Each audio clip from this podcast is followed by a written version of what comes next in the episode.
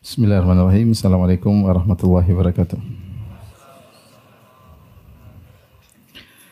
Alhamdulillahi ala ihsani wa syukru lahu ala taufiqihi wa amtinani. Asyhadu an la ilaha illallah wahdahu la syarika lahu ta'ziman li sya'ni wa asyhadu anna Muhammadan abduhu wa rasuluhu da'ila ridwani.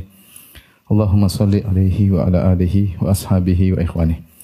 Hadirin dan hadirat yang dirahmati Allah Subhanahu wa taala, kita lanjutkan pembahasan kita tentang uh, sejarah Abu Bakar As-Siddiq radhiyallahu taala anhu. Uh, kita sebutkan kembali tentang kegiatan atau apa namanya? injazat hal-hal yang dilakukan oleh Bakar As-Siddiq hal-hal yang dilakukan oleh Abu Bakar As-Siddiq. Abu Bakar As-Siddiq radhiyallahu taala anhu. Di antaranya yang pertama adalah eh, tetap melanjutkan pasukan Usama. Pasukan Usama. Usama bin Zaid radhiyallahu taala anhu. Kemudian kedua memerangi para murtadin, para orang-orang murtad. Orang murtad. Orang-orang murtad ini terbagi menjadi dua. Dua model. Ya. Yang pertama adalah orang-orang pengikut nabi palsu. Nabi-nabi palsu, nabi-nabi baru. Dan banyak. Yang kedua, orang-orang yang yang mengingkari kewajiban zakat. Mereka sholat, mereka ibadah, cuma tidak mau bayar zakat. Kewajiban zakat. Dua-duanya diperangi oleh Abu Bakar Siddiq radhiyallahu taala anhu. Setelah itu yang ketiga baru kemudian pengumpulan Al-Qur'an tahap pertama. Pengumpulan Al-Qur'an tahap pertama. Baru yang terakhir, yang keempat, insya Allah kita bahas pada pertemuan berikutnya tentang ekspansi, yaitu penyerangan perluasan uh, apa namanya uh, alam Islami dengan berperang melawan Persia, melawan Persia dan Romawi. Tapi ini kira-kira empat kegiatan Abu Bakar As-Siddiq radhiyallahu taala anhu. Saya bacakan dari Al-Bidah Nihayah. Anna Rasulullah SAW tuwifiya yaumul isnin wa dhalika duha. Kita tahu Rasulullah SAW wafat pada hari Senin di waktu duha tanggal 12 Rabiul Awal. Tanggal 12 Rabiul Awal. Tahun berapa? 11 Hijriah. Rasulullah SAW haji wada tahun 10 Hijriah yaitu bulan Zulhijjah kemudian beliau pulang ya tidak lama kemudian beliau meninggal dia dunia ya karena setelah pulang Zulhijjah Muharram Safar kemudian Rabiul Awal tanggal 12 Rabiul Awal hari Senin di waktu duha beliau meninggal dunia setelah beliau meninggal dunia maka sudah kita sampaikan kembali orang-orang pada sibuk untuk memilih khalifah yang baru sebagaimana kejadian di Saqifah Bani Sa'idah yang sudah kita jelaskan pada pertemuan yang lalu kemudian sisa harinya hari Senin ya eh, orang-orang uh, masih terus membaiat Abu Bakar As-Siddiq radhiyallahu taala anhu. Kemudian hari Selasa besoknya di pagi hari masih orang-orang pada datang membaiat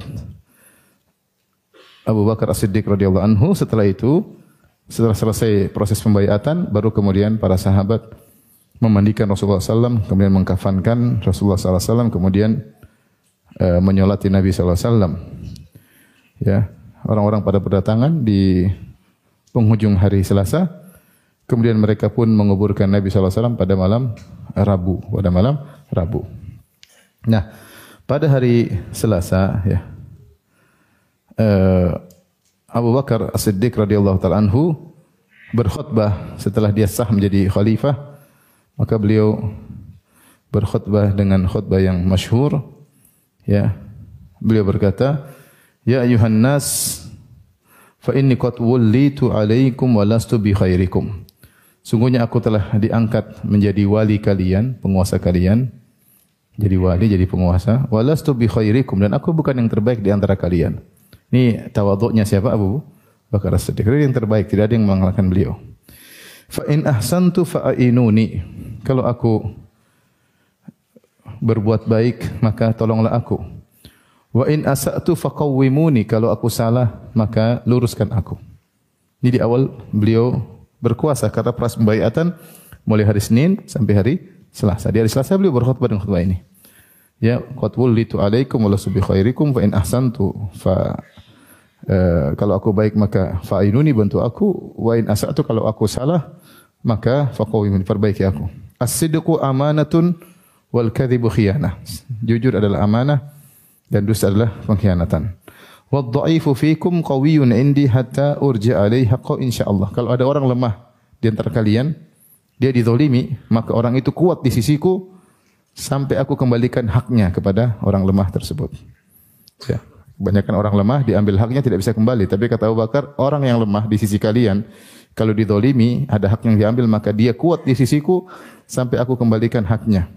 Wal qawiyyu fikum dha'ifun hatta akhudhal haqqa minhu insyaallah. Kalau ada orang yang kuat di kalian, di antara kalian, ternyata dia mendolimi orang, maka dia lemah di sisiku. Dia lemah. Sampai aku ambil hak yang dia rampas dari orang yang lemah. InsyaAllah. La yada'u qaumun al-jihad fi illa khadalahumullah bidzul. Tidaklah suatu kaum meninggalkan jihad fi kecuali Allah akan menimpakan mereka dengan kehinaan. Wala fi qaumin illa ammahumullah dan tidaklah perbuatan keji, ya, zina dan yang semisalnya tersebar di suatu kaum kecuali Allah akan meratakan bencana kepada mereka. Ati'uni ma ata'tullaha wa rasulah. Taatlah aku selama aku taat kepada Allah dan Rasulnya Fa idza asaitullah wa rasulah fala ta'ata alaikum. Jika aku ternyata bermaksiat kepada Allah dan Rasulnya, maka tidak ada taat bagiku atas kalian. Kumu ila salatikum yarhamukumullah. Silakan salat semoga Allah merahmati kalian. Ini khutbahnya uh, Abu Bakar As-Siddiq radhiyallahu taala anhu.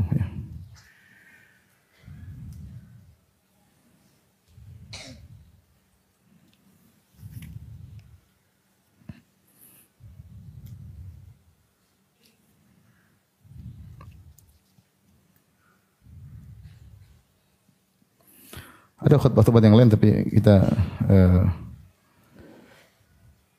lanjutkan atau kita lompati karena ada ada pembahasan yang lebih penting. Kemudian setelah Rasulullah SAW wafat, apa yang terjadi? Yang terjadi adalah mulailah muncul kemunafikan di mana-mana dan mulailah uh, muncul kemurtadan di mana-mana ya. Sebagaimana disebutkan tadi, kemurtadan yang muncul di zaman setelah wafatnya Nabi wasallam ada dua model. Yang pertama adalah munculnya nabi-nabi baru, munculnya nabi-nabi baru. Nabi-nabi baru tersebut disebut oleh para ulama rata-rata karena masing-masing kabilah tidak ingin diatur oleh kabilah yang lain. Sehingga ketika ada dari golongan mereka yang aku sebagai nabi langsung diangkat. Langsung di diangkat. Ya ini di antara sebab mereka tidak mau tunduk kepada Quraisy. Mereka ingin masing-masing kabilah ada nabinya sendiri-sendiri. Maka muncullah beberapa nabi seperti Musailamah bin Habib, Musailimah ya, Musailimah bin Habib, Al-Hanafi Al-Kadzab di Al-Yamamah, sebelah timur kota Madinah. Kemudian muncul lagi ini di di Al-Yamamah. Kemudian Al-Aswad Al-Ansi di Yaman. Kemudian ini jadi ngaku sebagai nabi baru juga, nabi di Yaman. Wartadda Tulaihah bin Khuwailid fi Bani Asad. Kemudian juga ada nabi lain namanya Tulaiha bin Khuwailid Al-Asadi dari Bani Asad. Ini juga ngaku sebagai nabi. Ada seorang wanita juga nabi perempuan ya. Namanya Sijah ya. Dia dari Bani Tamim tinggal di Jazirah ya.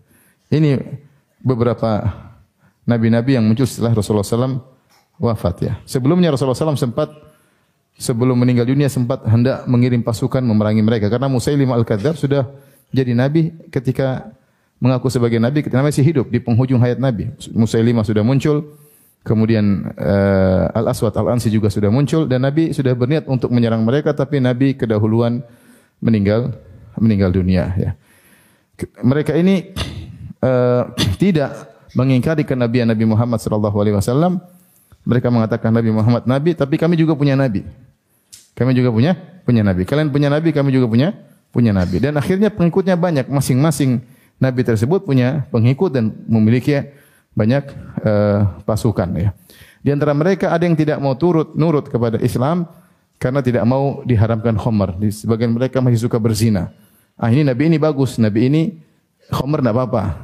Zina tidak apa-apa. Jadi mereka lebih condong pada Nabi yang lebih fleksibel daripada Nabi yang Nabi Muhammad SAW yang kaku. Ini khamar boleh, zina boleh, mending kita ikut Nabi Nabi ini. Bahkan dalam sebagian kisah eh, kadang-kadang dikasih bonus sebagian sholat digugurkan. Ya udah nggak usah sholat ini. Jadi nabinya sering kasih bonus ya. Kemudian ini kelompok murtad yang pertama, munculnya nabi-nabi baru. Kemudian kelompok murtad yang kedua, murtadin yang kedua adalah orang-orang yang menolak membayar uh, zakat, yang menolak untuk membayar zakat. Mereka ini uh, punya syubhat, kata mereka zakat itu hanya wajib dibayarkan kepada Nabi Muhammad sallallahu alaihi wasallam. Mereka berdalil dengan Al-Qur'an Khudh min amwalihim sadaqatan tutahhiruhum wa tuzakkihim biha wa salli alaihim. Inna salataka sakanul lahum. Kata Allah Subhanahu wa taala, wahai Muhammad, khudh min amwalihim, ambillah dari harta mereka sebagai sedekah, yaitu sebagai zakat. Firman Allah ini ditujukan kepada Nabi Muhammad SAW. Khudh uh, singular ya, ambillah yaitu Rasulullah SAW. Kata mereka ini perintahnya kepada Nabi. Kalau Nabi sudah meninggal sudah enggak ada zakat. Intinya mereka tidak mau harta mereka diambil. Dan mereka mencoba untuk berdalil dengan Al-Quran. Dengan tafsiran mereka sendiri. Akhirnya Abu Bakar As-Siddiq radhiyallahu anhu bangkit kemudian memerangi memerangi mereka. Sebelum kita berbicara tentang peperangan yang terjadi ya. Uh, sebentar.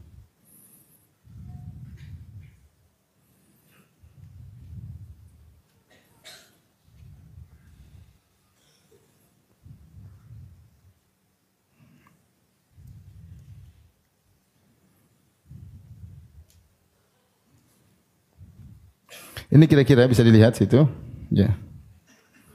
E, kondisi Jazirah Arab ya. Kelihatan enggak? Enggak ya? Kelihatan? Kelihatan tidak? Hmm?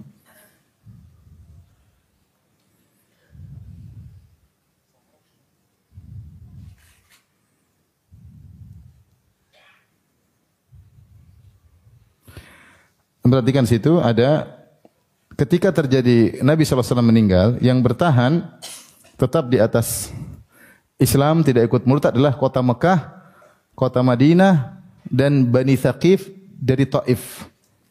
Ini saja, jadi cuma sedikit, hanya kabilah-kabilah kecil seputar kota Mekah, seputar Madinah dan yang ada di kota Taif. Secara umum rata-rata pada pada murtad dengan dua model. Ada murtad karena mengikuti nabi baru, ada murtad karena menolak membayar zakat. Sehingga pasukan kaum muslimin cuma tersisa ter, terfokus pada Mekah, Madinah dan Taif. Saya ingin menggambarkan hal ini untuk menjelaskan bagaimana tugas berat yang di uh, yang dihadapi oleh Abu Bakar As-Siddiq radhiyallahu taala anhu.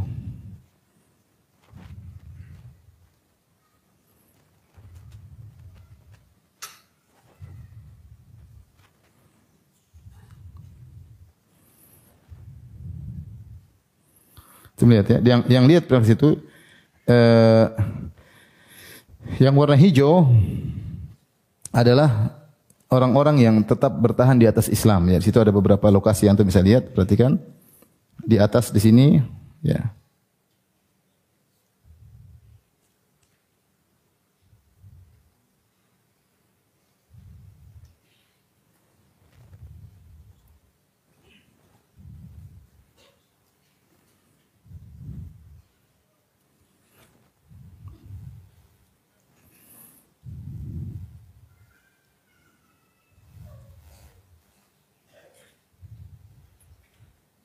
Kelihatan kan?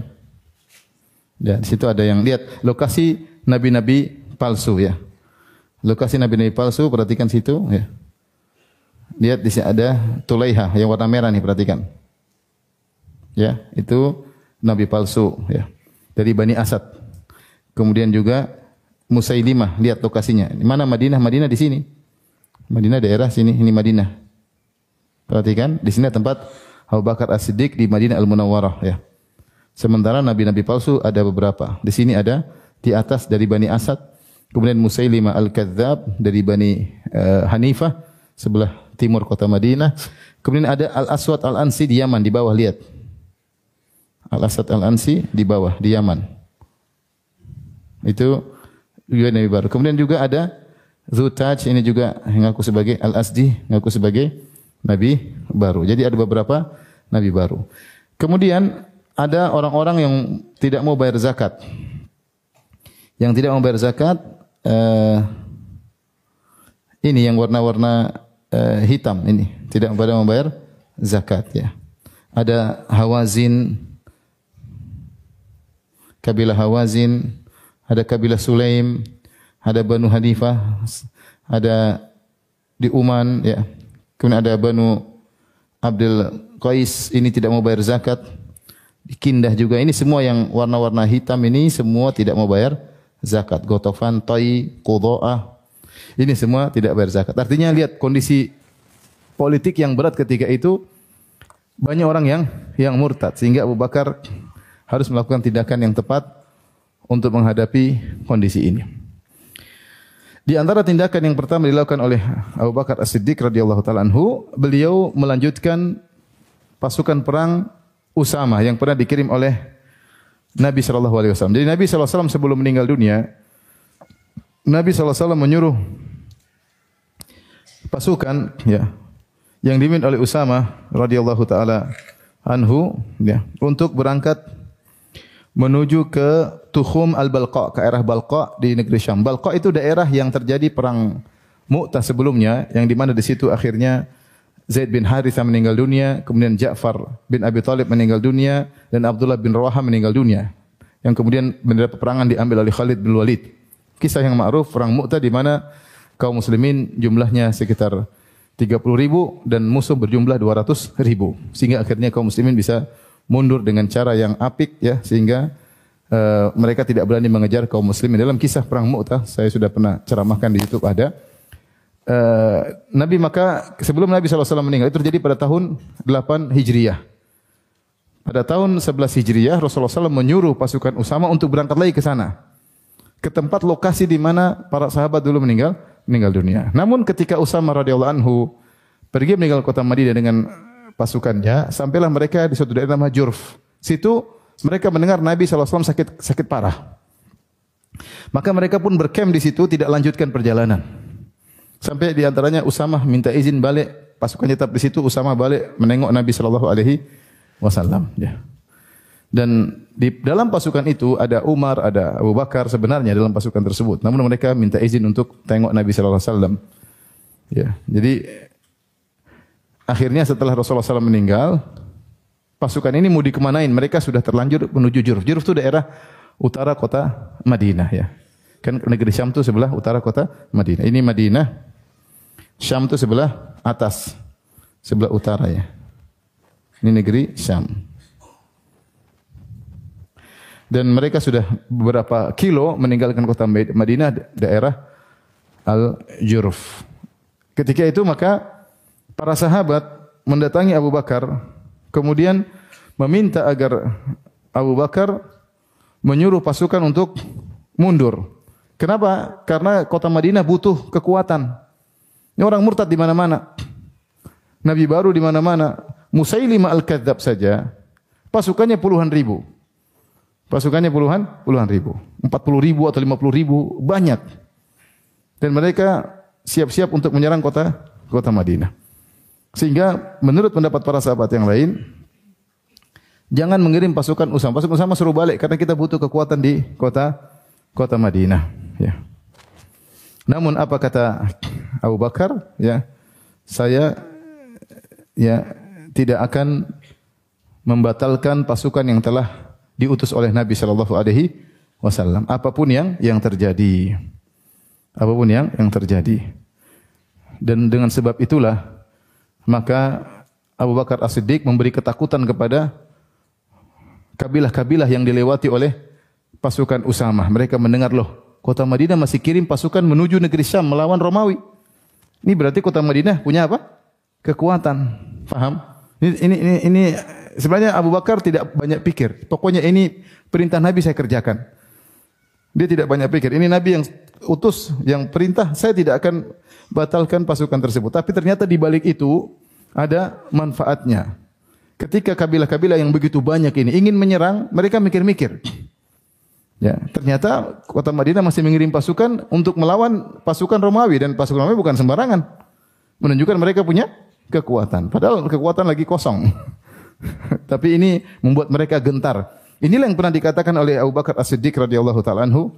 Uh, dikatakan Abu Hurairah radhiyallahu anhu beliau berkata, "Wallahi alladzi la ilaha illahu laula Abu Bakar ustukhlifa ma ubidallah." Demi Allah yang tidak ada sembahan yang berhak disembah kecuali Allah. Kalau bukan Abu Bakar yang diangkat menjadi khalifah, maka Allah tidak akan disembah. Semua qala tsaniyah. Kemudian beliau bersumpah untuk kedua kali. Demi Allah yang tidak ada yang disembah kecuali Allah Subhanahu wa taala. Kalau bukan Abu Bakar diangkat jadi khalifah, Allah tidak disembah. Sampai tiga kali. Kemudian mereka berkata, ada apa gerangan Abu Hurairah? Kenapa anda berkata demikian? Maka Abu Hurairah berkata, Faqala inna Rasulullah SAW wajah Usamata ibn Zaidin fi sab'i mi'atin ila Syam. Nabi mengirim pasukan dipimpin oleh Usama bin Zaid dengan 700 pasukan. Falamma nazala bi dhi khusyub ya, ketika dia mampir suatu tempat namanya dhi khusyub yaitu daerah Juruf yaitu maka Rasulullah SAW wafat. Wartaddatil Arab haulal Madinah. Maka orang-orang Arab sekit seputar kota Madinah murtad. Yang bertahan cuma mana? Madinah, Mekah sama apa? Toh, Taif. Subhanallah Bani Thaqif. Yang Rasulullah SAW datang pertama kali sebelum hijrah, diusir oleh mereka, dihina, dilemparin. Kemudian Rasulullah SAW serang mereka pada uh, berikutnya tahun sekitar 8 atau 9 Hijriah, Rasulullah 8 Hijriah Rasulullah perangi mereka. Ternyata Bani Thaqif tersebut yang bertahan ketika orang-orang pada murtad. Tidak ada yang duga.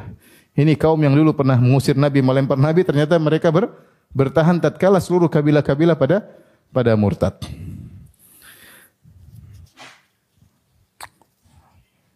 Kemudian orang-orang pada murtad. Maka fajtama ilai ashabu Rasulullah SAW faqalu maka orang-orang pun datang menemui Rasulullah menemui Abu Bakar sahabat-sahabat Nabi kemudian mereka berkata ya Abu Bakar yang rudda haula wahai Abu Bakar kembalikan pasukan Usama Ya.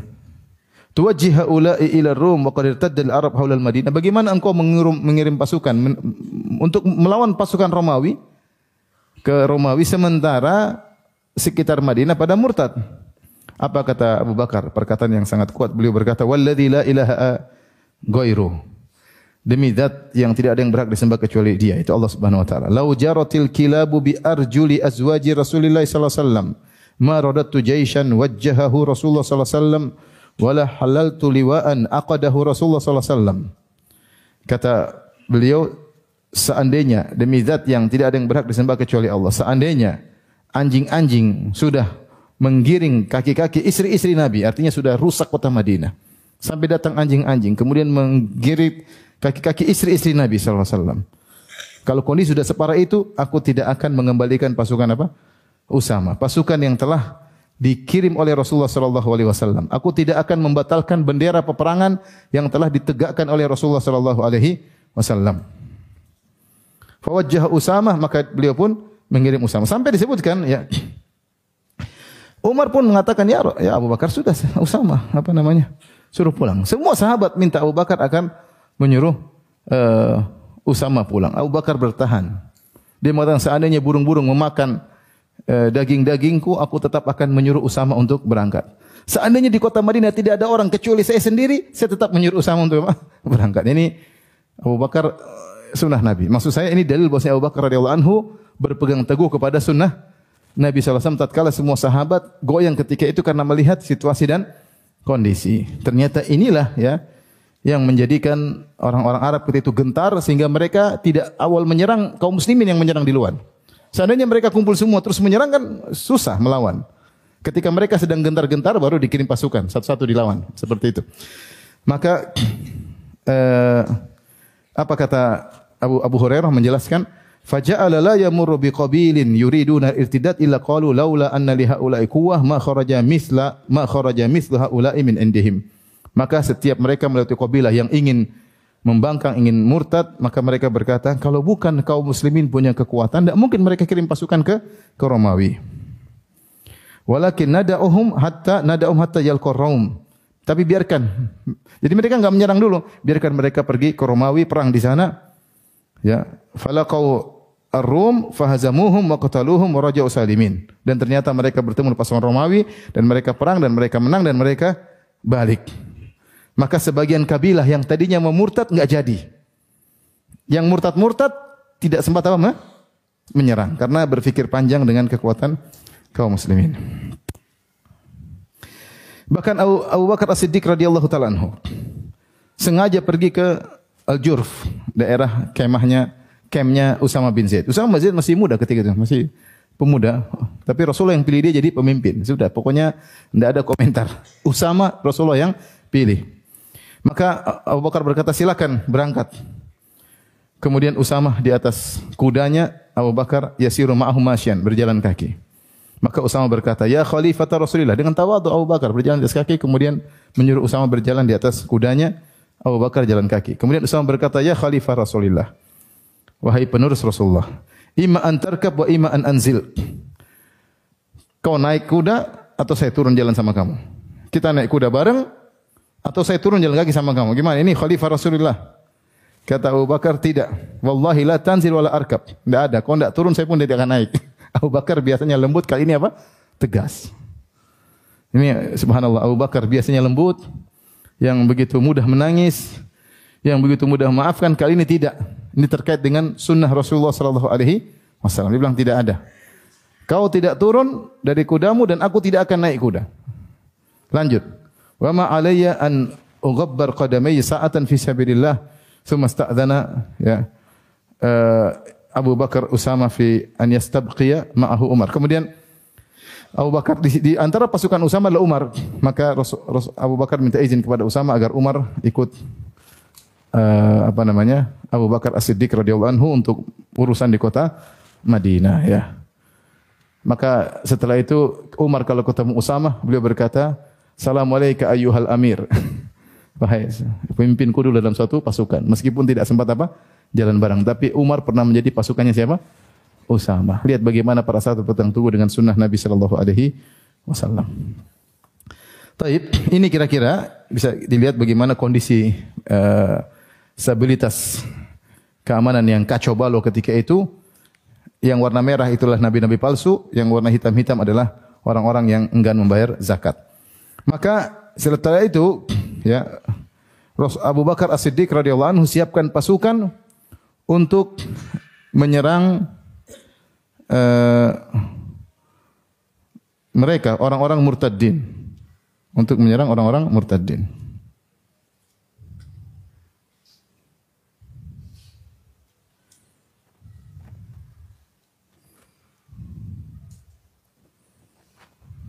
Baik. Ketika Abu Bakar As-Siddiq hendak menyerang orang-orang murtadin, masalah menyerang nabi-nabi palsu, semua sahabat sepakat, mereka murtad, harus diperangi. Dengan berapa nabi tadi? Ada empat atau lima ya, nabi-nabi palsu, dan masing-masing nabi punya pasukan yang yang banyak. Sepakat bosnya mereka murtad karena tidak ada nabi setelah Nabi Shallallahu alaihi wasallam. Apalagi Rasulullah SAW bersabda, "Innahu sayakununa ba'di salasuna kadzabuna kulluhum yaz'amu annahu nabi." Wa ana khatamun nabiyyina wa la nabiyya ba'di. Sungguhnya akan ada 30 orang setelahku yang mengaku sebagai nabi. Padahal aku adalah nabi yang terakhir, tidak nabi setelahku ya. Dan nabi-nabi palsu muncul terus ya. Di zaman nabi sudah ada nabi Musailimah al-Kadzab, ada uh, apa Al-Aswad Al-Ansi. Sampai terakhir nabi di Kerawang ya. Terakhir kita sempat nabi di di Kerawang. Nabi muncul terus ya. Silih berganti nabi, nabi, nabi, nabi ini. Ya sampai Nabi Kerawang ya. Terakhir yang saya dengar ya. Taib, maka adapun jenis murtadin yang pertama yang aku mengikuti para nabi palsu jelas mereka murtad. Para sahabat sepakat untuk menyerang mereka. Tetapi jenis yang kedua yang tidak mau bayar zakat. Ini kejadiannya agak agak agak sulit ya. Kenapa mereka mereka ini pembesar-pembesar, kabilah-kabilah. Mereka kirim pembesar-pembesar mereka untuk diskusi sama Abu Bakar. Mereka bilang begini aja, kita tetap Islam, Tapi kita nggak mau bayar zakat. Mereka nawar. Kita tetap Islam, tetap bergabung sama kaum muslimin, tapi kita nggak mau bayar apa? Zakat. Dan ini tawaran yang menarik karena Abu Bakar mau perang ini setengah mati. Ini kalau mereka juga sekalian murtad rame-rame semua repot ngelawannya. Karena bukan cuma lima nabi palsu atau empat nabi palsu yang harus dilawan, mereka juga ini banyak. Ya ada sebelas tempat yang harus kalau mereka ternyata murtad juga repot. Akhirnya mereka memberi tawaran kepada Abu Bakar bagaimana? Yudahlah, yang penting jangan ambil zakat kita tetap Islam. Sebagian sahabat terima. Ya sudahlah, ini, mereka penting masih syahadatain, mereka masih sholat, ya udahlah. Termasuk Umar waktu itu diskusi sama Abu Bakar As-Siddiq radhiyallahu taala Ya, bukankah Umar berkata, "Ya ya Abu Bakar, bukankah Rasulullah SAW bersabda, "Umir an uqatilan nas hatta yaqulu la ilaha illallah." Fa idza qaluha asama minni dima'ahum amwalahum illa bihaqqillah. Ya Abu Bakar, bukankah Rasulullah SAW bersabda, Aku diperintahkan untuk memerangi manusia sampai mereka mengucapkan apa? La ilaha illallah. Jika mereka mengucapkan la ilaha illallah, maka terjagalah harta dan darah mereka kecuali dengan hak hak Allah Subhanahu wa taala. Ya. Maka Abu Bakar mengatakan di antara hak Allah adalah bayar apa? Zakat. Antara hak Allah bayar zakat. Di sini sering dijadikan dalil oleh para ulama Ternyata Ibnu Umar tahu hadis yang tidak diketahui Umar bin Khattab. Umar bin Khattab meriwayatkan suatu hadis tapi Nabi pernah mengucapkan secara global dan dalam kesempatan lain Nabi mengucapkan secara detail. Nabi mengatakan, "Umirtu an uqatilan nasa hatta asyhadu an la ilaha wa yuqimus shalah wa yu'tuz zakat." Aku diperintahkan untuk memerang manusia sampai mereka mengucapkan la ilaha Muhammad Rasulullah sampai mereka salat dan mereka bayar apa? Zakat. Ada hadis yang lebih terperinci yang dihafal oleh Ibnu Umar namun tidak dihafal oleh apa? Umar bin Khattab radhiyallahu anhu dan tidak dihafal oleh Abu Bakar As-Siddiq radhiyallahu taala anhu. Seandainya Abu Bakar menghafal hadis tersebut, tentu dia akan menyebutkan hadis tersebut di hadapan apa? Umar. Sehingga dua-duanya berdalil dengan hadis dan Abu Bakar berdalil dengan kias. Kita sepakat kalau orang tidak solat diperangi, maka tidak ada bedanya antara solat dengan apa? Zakat. Jadi Abu Bakar berdalil dengan apa? Kias. Ya. Sehingga timbullah perkataan para ulama, yujad fin nahar ma la yujad fil bahar. Meskipun Ibnu Umar sahabat junior, Abu Bakar dan Umar sahabat senior, tapi terkadang ada di sungai apa yang tidak ada di laut. Iya. Apa? Ikan gabus. Artinya Ibnu Umar junior tapi ada hadis yang tidak diketahui Abu Bakar dan apa? Umar ya. Karena tidak selalu Abu Bakar dan Umar bersama Rasulullah sallallahu alaihi wasallam. Seandainya mereka berdua tahu hadis ini, mereka tidak akan diskusi. Tapi mereka diskusi dan Abu Bakar menggunakan kias dan dia bertahan. Akhirnya dia berkata, ya, uh, kata Abu Bakar, Wallahi lau manauni anaqan kanu yu'addunahu ila Rasulullah SAW la uqatilannahum. Abu Bakar dengan tegas. Yang biasanya Umar yang kenceng, Abu Bakar yang tidak kenceng, sekarang apa? Kebalik. Ketika perjanjian Hudaybiyah, yang kenceng siapa? Umar yang mengatakan, ya Abu Bakar, ngapain kita ngalah sama orang kafir? Kalau mereka kalau kita mati kita masuk surga, kalau mereka mampus masuk neraka jahanam, ngapain kita mengalah? Abu Bakar justru mengalah karena ikut Nabi Shallallahu Alaihi Wasallam. Tapi kali ini Umar yang ingin mengalah, Abu Bakar enggak. Kata Abu Bakar demi Allah, seandainya mereka tidak mau bayar kepadaku zakat berupa kambing kecil, kambing betina, mereka tidak mau bayar, meskipun hanya seekor kambing, aku akan benar-benar perangi mereka. Ya. Inna zakata haqqul mal, sungguhnya zakat adalah hak harta. Wallahi la aku la uqatilanna man farraqa baina salati waz zakat. Sungguh aku akan memerangi orang yang membedakan antara salat dan zakat. Jadi salat ini di sini kias dari Abu Bakar As-Siddiq radhiyallahu taala anhu dan dia juga berdalil dengan lafal hadis illa bihaqqiha aku tidak akan memerangi kecuali dengan hak Islam. Di antara hak Islam menurut dia adalah hak harta yaitu hak apa?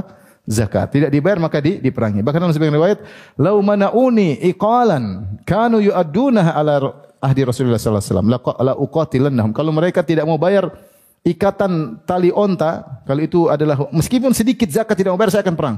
Artinya kalau mereka tidak mau bayar meskipun 10 ribu saya akan perangi.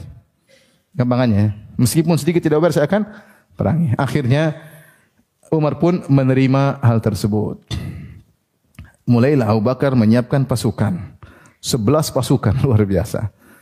melawan orang-orang murtadin. Lagi hebohnya dan perang itu butuh waktu yang lama ya. Ya.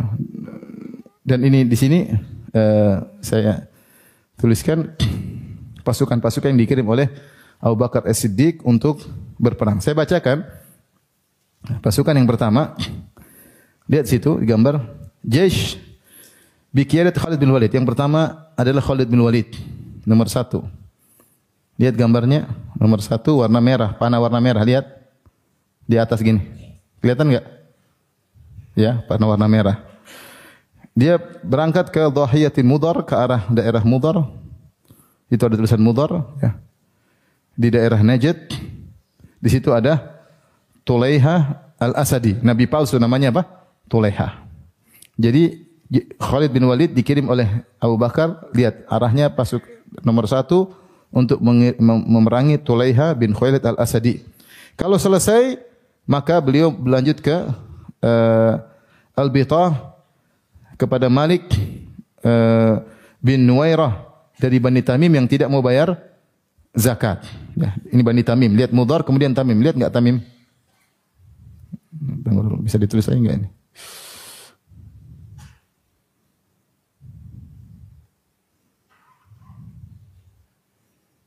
Bentar.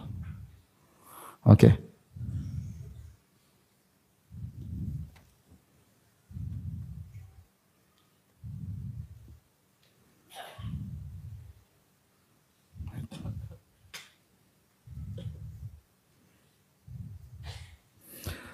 Lihat Tamim lihat gak ini? Ini Tamim nih. Ya. Ini mudor, lihat. Kemudian ke mana ke Tamim. Jadi kalau selesai dari mudor, lanjut ke Tamim. Selesai dari Tamim, lanjut ke Bani Hanifah. Ini Bani Hanifah. Ini Musailimah Al-Kadzab. Musailimah Al-Kadzab. Itu pasukannya Khalid bin Walid. Jadi ada tiga tugas. Kata Abu Bakar, kalau kau selesai dari pertama, Nabi palsu, Tuailah, uh, Tulaiha Al-Asadi, kemudian lanjut ke Eh, orang-orang yang tidak mau bayar zakat karena satu jalur yaitu Malik bin Nuwairah dari Bani Tamim. Kalau kau kalahkan mereka lanjut ke ke mana? Musailimah al-Kadzab. Karena Musailimah al-Kadzab pasukannya sangat banyak. Jadi Khalid punya tugas subhanallah. Perang langsung lawan tiga apa? Tiga destinasi. Ini dulu habis itu ini terus apa? Ini. Luar biasa ya. Yang kedua,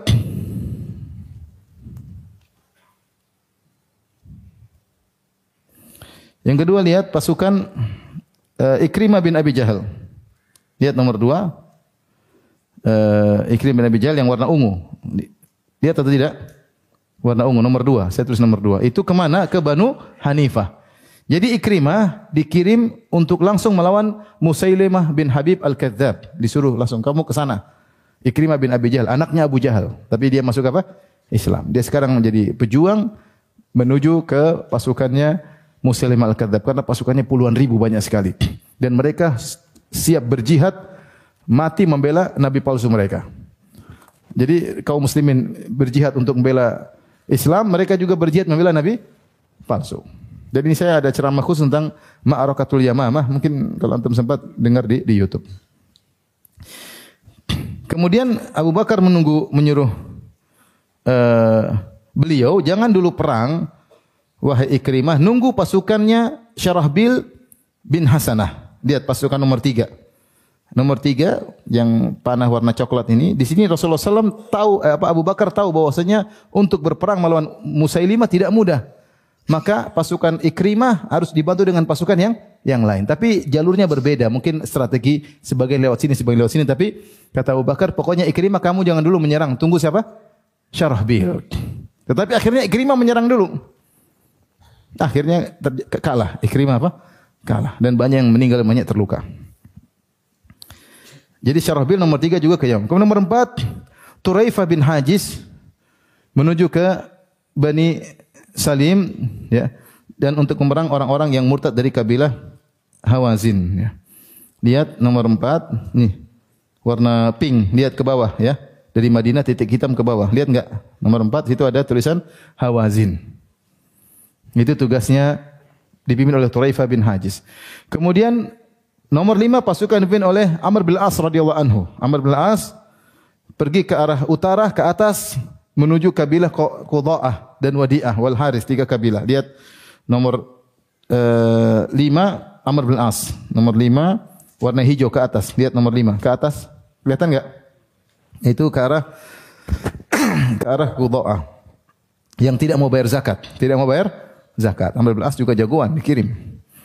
Kemudian di antaranya Khalid bin Said pergi ke Masyarif Syam nomor 6. Khalid bin Said itu menuju ke ujung-ujung negeri Syam.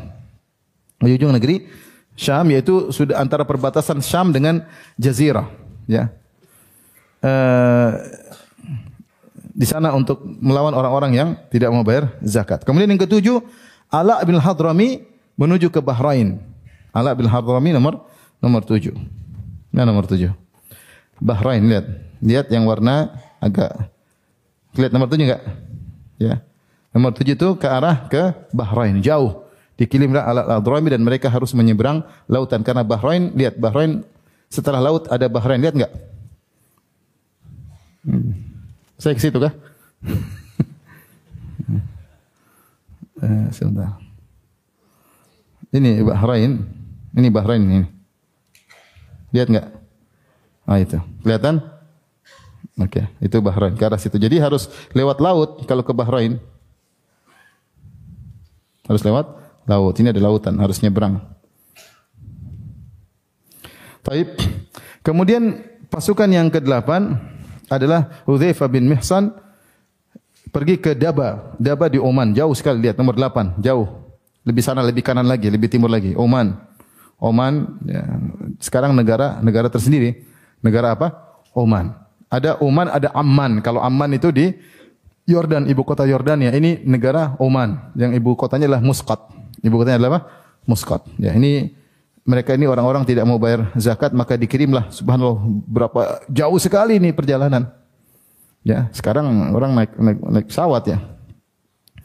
Kemudian yang kesembilan adalah Jaish Arfajah bin Harsamah kepada ahli Mahrah ya. Dia lihat nomor berapa? Nomor 10 di bagian eh, nomor 9 bagian bawah ya ini. Jauh sekali. Dari sini kemudian muter sampai di bawah. Lihat nomor 9 di bawah.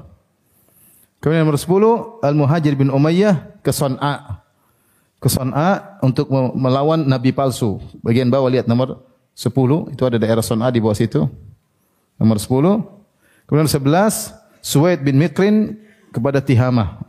Tihama orang-orang tidak mau bayar zakat. Jadi semua pasukan 11 pasukan ini tugasnya untuk memerangi para murtadin dari dua kelompok. Kelompok yang ngaku mengikuti nabi-nabi baru dan kelompok yang tidak mau bayar bayar zakat. Dan peperangan yang paling hebat dari semuanya adalah peperangan Al-Yamamah. Peperangan Al-Yamamah. Ya, ini saya ada kajian khusus antum bisa dengar tapi intinya Ikrimah radhiyallahu anhu, Ikrimah bin Abi Jahal disuruh untuk menunggu pas, pasukan bantuan dari Syarahbil bin Hasanah, tetapi Ikrimah tidak uh, apa namanya? tidak disiplin radhiyallahu anhu, maka dia pun menyerang dan dia pun kalah. Kemudian Syarahbil juga kalah dan akhirnya Khalid bin Walid pun datang belakangan. Khalid bin Walid pun datang kemudian terjadi peperangan. Di antara strategi Khalid bin Walid, Khalid bin Walid kemudian membagi pasukan berdasarkan kabilah-kabilah mereka. Ada yang penghafal Quran, yang penghafal surat Al-Baqarah dikenal dengan penghafal surat Al-Baqarah. Ada yang uh, dari apa namanya? kaum Ansar, ada yang dari Muhajirin. Jadi uh, Khalid bin strateginya dia bagi-bagi pasukan sesuai dengan kabilah-kabilahnya. Untuk apa? Agar mereka semangat masing-masing untuk persaingan di antara mereka. Jangan sampai kekalahan dari kabilah mereka. Ketika bersatu kurang semangat, tapi ketika dibagi-bagi sehingga masing-masing berusaha menunjukkan mempertahankan bahwasanya kita yang paling depan karena Allah Subhanahu wa taala. Sehingga ditumbuhkanlah kefanatisme fanatisme masing-masing apa? kabilah untuk ber berperang. Ini antara strategi Khalid bin Walid radhiyallahu taala anhu. Dan perang menakjubkan ya. Sampai yang meninggal dari pasukan uh, Musailimah 20 ribu orang. Di antaranya Musailimah Al-Kadzab. Musailimah Al-Kadzab dibunuh oleh Wahsy. Wahsy yang membunuh Hamzah ya.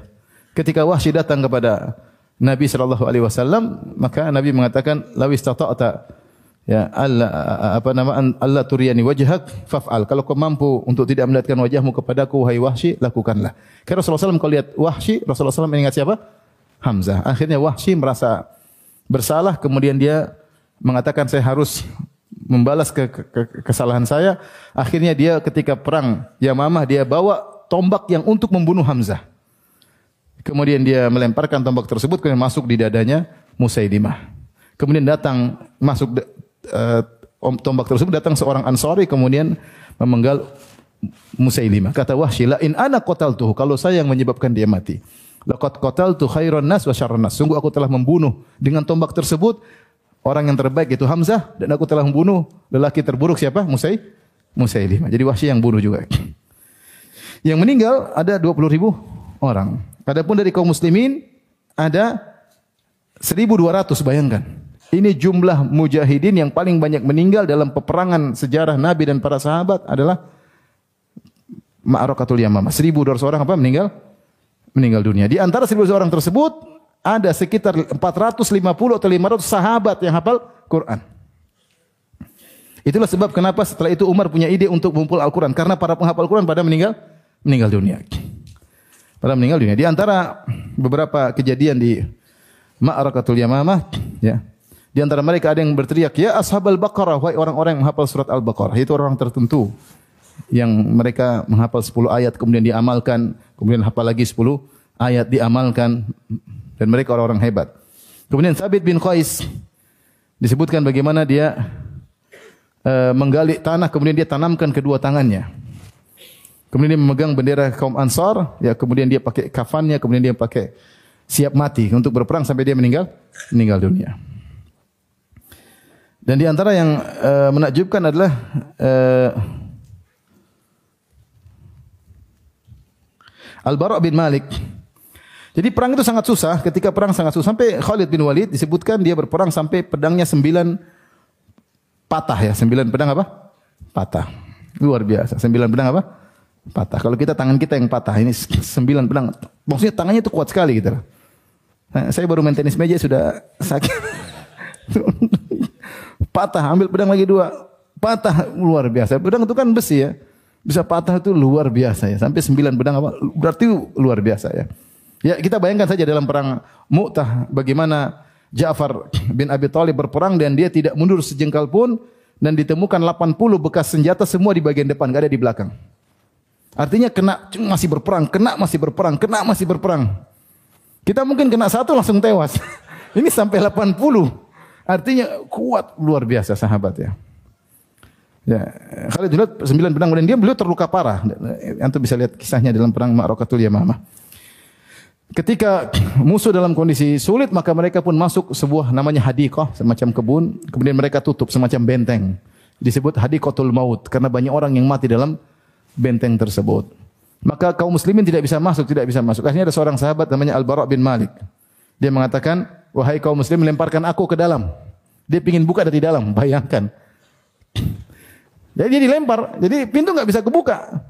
Jadi dia lempar, terus wah itu gimana itu dari belakang kayak, tapi dia selamat. Subhanallah, dia kemudian buka dari dalam kemudian keluar. Tapi intinya banyak yang meninggal ketika itu di antaranya para penghafal Quran.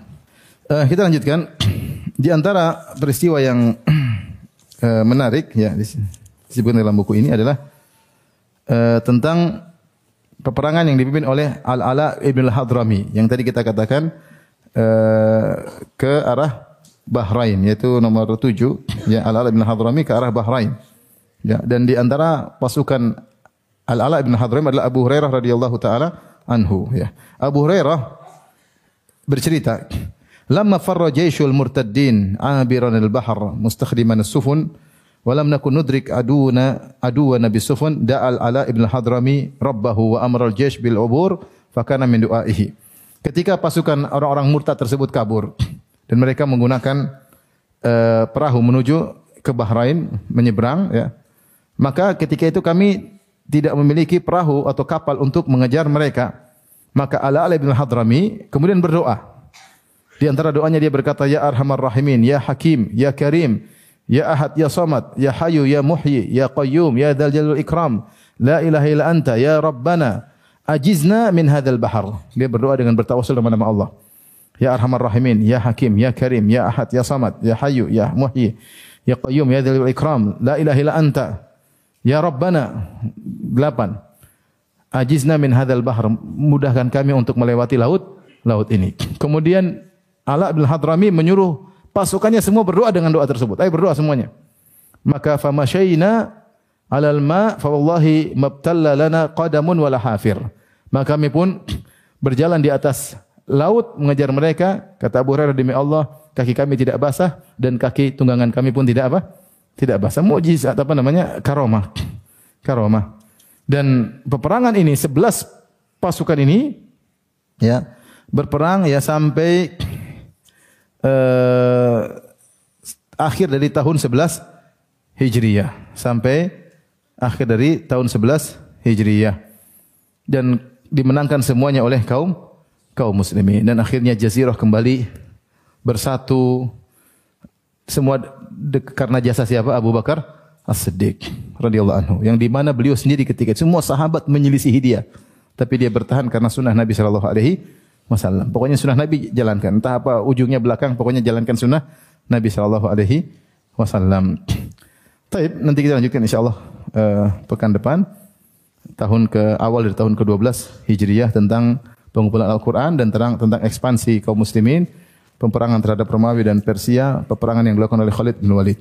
Jadi Khalid bin Walid masih banyak tugas, masih silsilah peperangan berikutnya yang lebih uh, panjang daripada yang yang sekarang. Yang sekarang cuma tiga tempat kan? Ma, ke atas, kemudian Bani Tamim, kemudian Yamamah. Pada tahun 12 dia lebih banyak lagi silsilah peperangan Khalid bin Walid radhiyallahu anhu. Taib.